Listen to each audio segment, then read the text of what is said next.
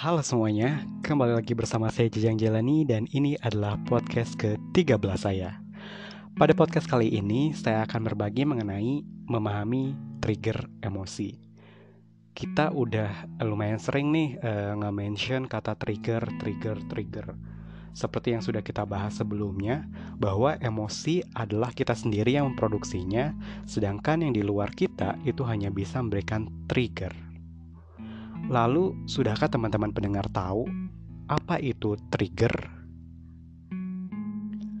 Dalam bahasa yang sederhana nih, trigger itu yang biasa kita sebut uh, umpan.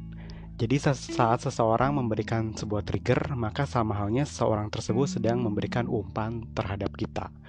Dalam bahasa yang lebih kompleks, trigger itu adalah apa pun bisa berupa tindakan, kejadian, pengalaman yang memberikan stimulus dan pancingan terhadap timbulnya sebuah reaksi atau serangkaian reaksi-reaksi. Kayak gitu ya.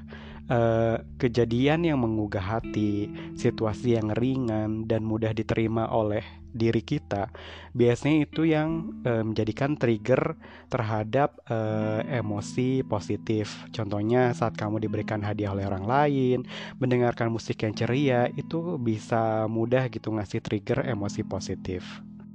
Atau emosi bahagia lebih spesifiknya ya.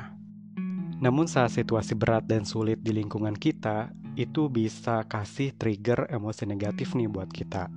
Sesederhana barangmu mendadak sulit ditemukan, HPmu ngeheng. Nah, kejadian-kejadian seperti itu saja pasti bisa memancing emosi negatifmu nih. Dan kemudian dengan mudahnya, bahkan secara spontan dan kamu gak sadar bahwa kamu memproduksi emosi negatif dan meluapkannya.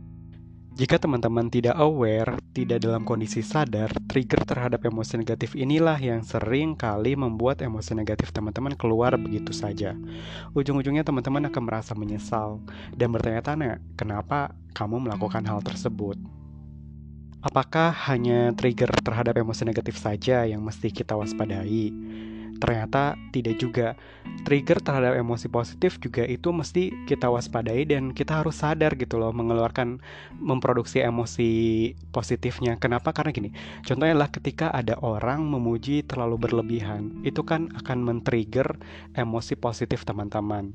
Teman-teman akan ngerasa mungkin confidence itu di level yang baik tapi di level yang udah buruknya teman-teman akan menjadi uh, sombong. Kemudian teman-teman ngerasa besar kepala gitu-gitu. Nah makanya trigger dari orang atau lingkungan terhadap kita baik yang positif sekalipun itu harus harus kita sendiri sadar gitu loh emosi apa yang akan kita produksi. Jangan terlena dan jangan terbuai kayak gitu ya dan yang mesti selalu kita ingat bersama adalah boleh saja lingkungan kasih trigger apa pun terhadap kita, tapi emosi apa yang akan kita produksi itu harus kita sendiri yang mengaturnya, harus kita sendiri yang dengan sadar memproduksinya.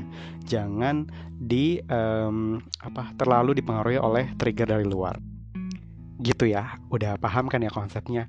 Oke uh, mengakhiri podcast kita yang ke-13 ini juga mengakhiri uh, podcast uh, di episode kita ngebahas emotional intelligence dari segi teori-teorinya dari segi um, basic-basicnya. Nah untuk podcast berikutnya saya akan coba lebih detailkan lagi lebih apa yang lebih banyak ke prakteknya gitu di kehidupan sehari-hari penggunaan emotional intelligence itu seperti apa.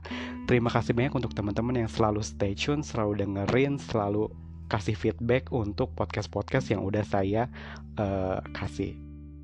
Saya Jejeng Jelani dan sampai ketemu di podcast kita berikutnya.